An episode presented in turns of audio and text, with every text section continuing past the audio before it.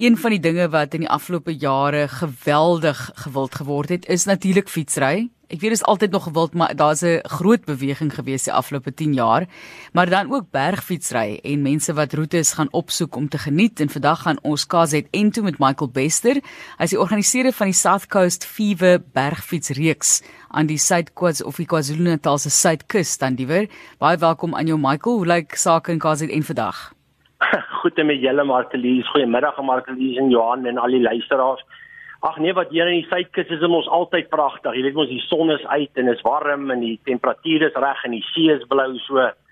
Ons is altyd baie gelukkig hier in die suidkus. Ons die wonderlikste weer. Gewoonlik die winter is die beste tyd van die jaar maar my onder. So Michael, vertel vir ons net gou vinnig om aan te sluit met wat ek nou gesê het van die gewildheid en die toename in die gewildheid van motor ag of motorfiets hoor nou vir my bergfietsroetes, berg bergfietsry. Jy weet en as mens dink byvoorbeeld hier in die Kaap, dink jy aan baie van die wynplase en baie ja. baie bestemmings wat dit nou aanbied. Julle in KwaZulu-Natal Natal doen dieselfde.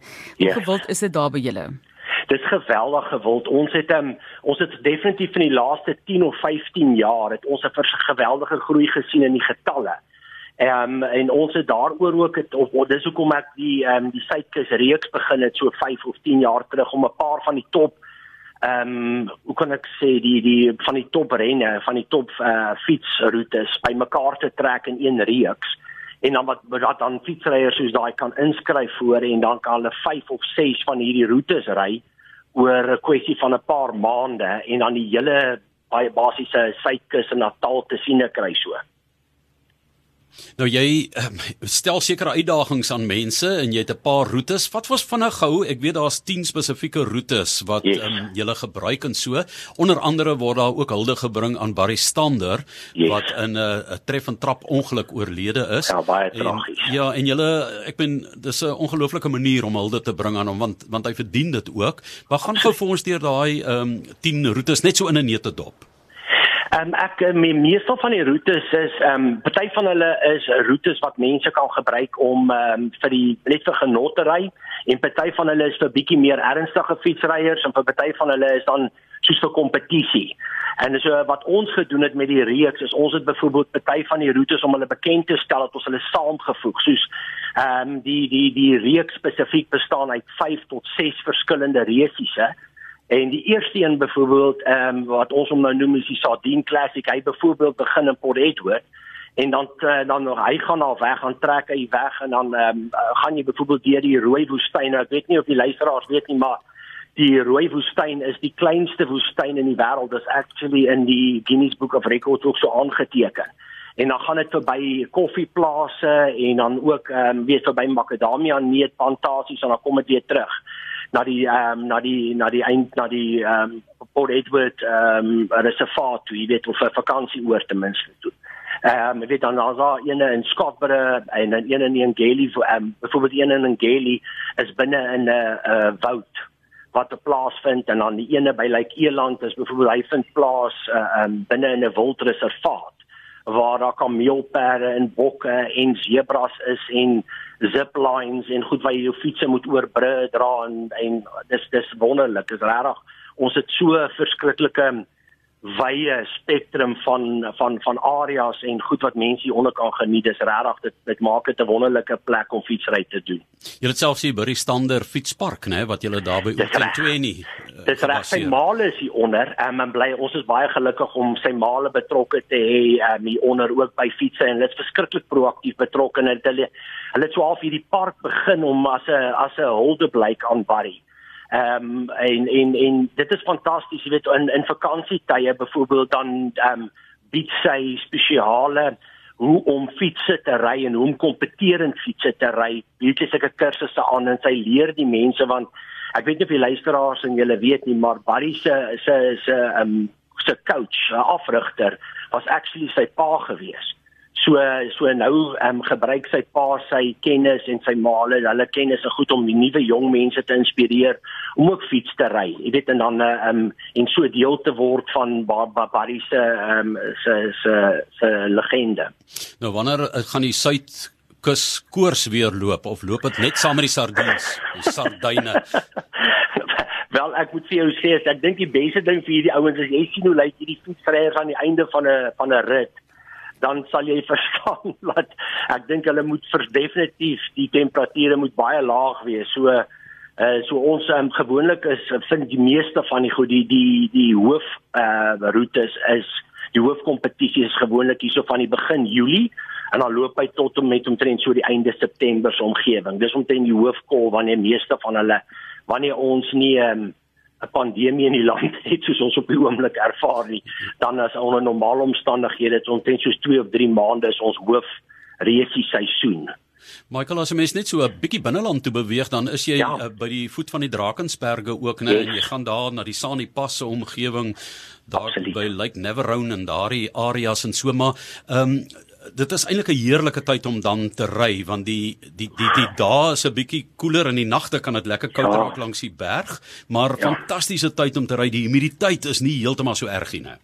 Ja, as jy eh, selfs as jy ingaan hier vanaf Kokstad se rigting en jy gaan daar verby die Ngeli wat een van ons roetes is, ehm um, daar by die Ngeli Forest Lodge, net daar al is daar 'n klare groot verskil in terme van humiditeit.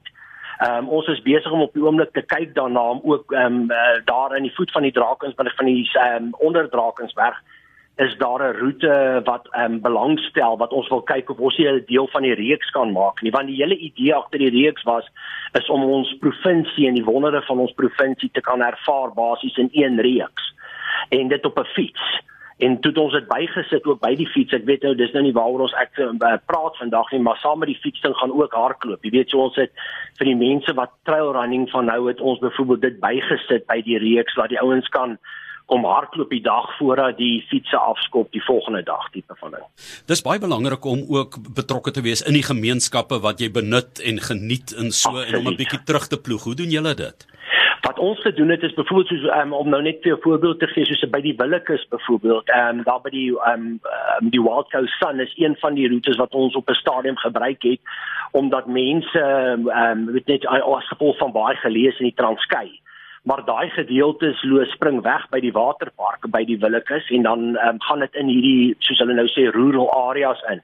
So ons het al daai gemeenskappe betrek by die resies een om daai gedeelte van die roetes te onderhou vir 'n vir 'n weet en dan wanneer die mense daardeur ry en die mense kom ondersteun dit kan hulle hulle ehm um, lokale kunswerke en kosse en sulke goederes kan hulle by hierdie waterpunte kan hulle dit uitstal en wys en so en verkoop en met mense praat en musiek maak en goederes en saam met die fietsryers daar dat ek sê soos ek sê daar's natuurlik in die reeks en in 'n enige fietsry is daar altyd uh, professionele persone wat natuurlik ry vir die punte en vir die ehm um, weet wat vir vir vir fietsry Suid-Afrika ehm um, so wanneer die spanne gekies word dat hulle dit maak Olimpiese spele toe maar meestal van hierdie fietsry roetes bestaan maar uit die mense wat dit doen vir plesier en uit families uit en dis ook waarop ons geweldige fokus is. Jy weet om families betrokke te kry en laat hulle as 'n familie dit bymekaar saam doen.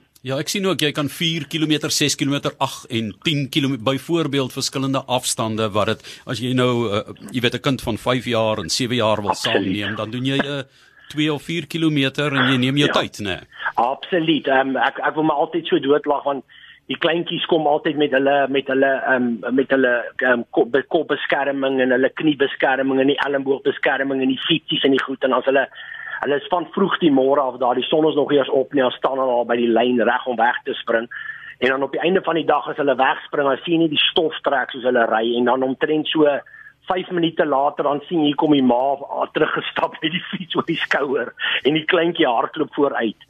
Maar um, op die einde van die dag is dit waaroor dit gaan. Dit gaan daaroor om families betrokke te kry om kinders op 'n jong ouderdom te laat belangstel in die buitelug en weet in die vars lig en die mooiheid en die skoonheid van die natuur en goed, jy weet. Ja, die naam bergfiets is eintlik 'n bietjie misleidend. Dit beteken eintlik maar net dis 'n fiets wat nie op die teerpad ry nie, net dat jy net grondpad, maar jy hoef jy jou berg. Hulle is geweldig oor die laaste tyd het hulle geweldig tegnies geraak daai fiets. Jy moet verty van hierdie goed sien Johan. Dit is ongelooflik um, om te sien hoe ver dit fietsse se se ingenieursontwikkeling kant gekom, jy weet die meganiese kant gekom. Ehm um, en uh, dit dit is nogal weet en dan sal natuurlik nou deesdae al hierdie verskillende soorte. Jy kry die e-bikes wat soos hulle nou van sê wat jy basies ehm um, uh, net kan terugsit die trapgedeelte en die res van die ding doen die fiets self.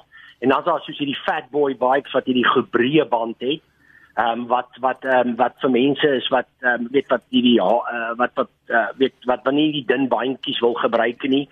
En dan daar dubbelfietsse waar 'n man en 'n vrou of ehm um, of twee vriende kan saam ry jy weet so daar's allerlei variasies van fietsse kan jy vir my 'n uh, e-fiets uh, van daai ehm um, lekker dik wiele kry wat ek die sand mee kan ry dit is altyd ek lag altyd so want want die um, die mense wat die gewone fiets het, jy die koi ry die ouens wat hierdie ongelooflike fiets het wat tegnologies omtrent van van die maan af kom. Jy weet dis hierdie wonderlike fiets en dan kom hierdie ouens met hierdie fat boy bikes met hierdie groot breë wiele en soos daar by die Willekeus is die laaste stuk met die fisies in die see ry op daai op daai nat sand en dan kom die ou met daai fat boy bike en gaan hy hierdie ouens verby en los hulle almal agter in die stol want hulle het hierdie lekker breë bande. So dan kom hulle almal verby hulle almal. En dan hierdie ou met die ander fiets trap laat jy net knie sien verby die ore kom. Ja, fluit fluit. Nou is uh, ja. is e-fietsse ook toenemend gewild vir mense wat begin sukkel en jy weet hulle ja. self nie wil oorwys nie maar tog graag die buitelug wil geniet.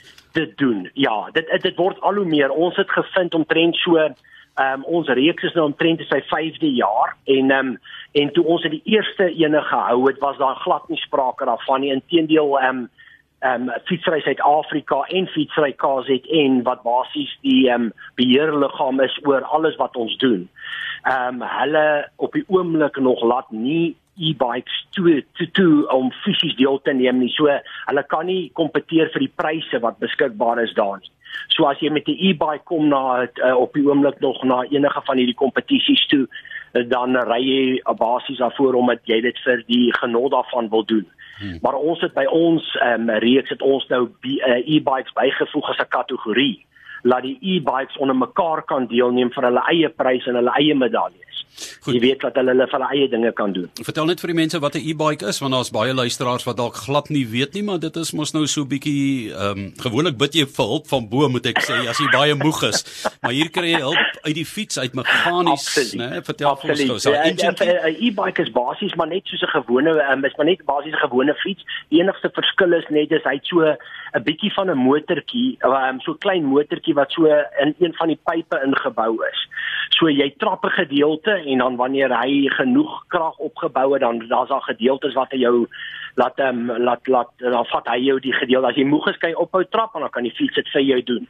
Ehm um, ek as ons het party ons het wat hierdie ehm um, ons het sulke gedeeltes wat ons doen wat ehm um, wat ons nou noem uh, Strava sections waar waar mense kan 'n gedeelte kry van sê nou maar so 200 meter wat geweldig styl is en geweldig tegnies is en die ou wat hom eers te doen volgens die tyd hy wen 'n sekere prys en dan uh, staan skien gaan hierdie ouens teen hierdie bolte uit en hulle staan in die sweetap hulle af en dan kom die ou met die e-bike omtrent hande agter die nek verby hulle gery. Hulle het nou die dag het hulle net vir my gesê asseblief moet nooit weer hierdie e-bikes naby ons sit nie want dit is baie dit is baie uh, uh, ontnigterend as ons so hard werk en hierdie ou kom hier verby en hy cruise so verby ons Nou ja, baie dankie vir die inligting as mense belangstel om deel te wees van julle koorsagtige uh, ritte daar aan die suidkus.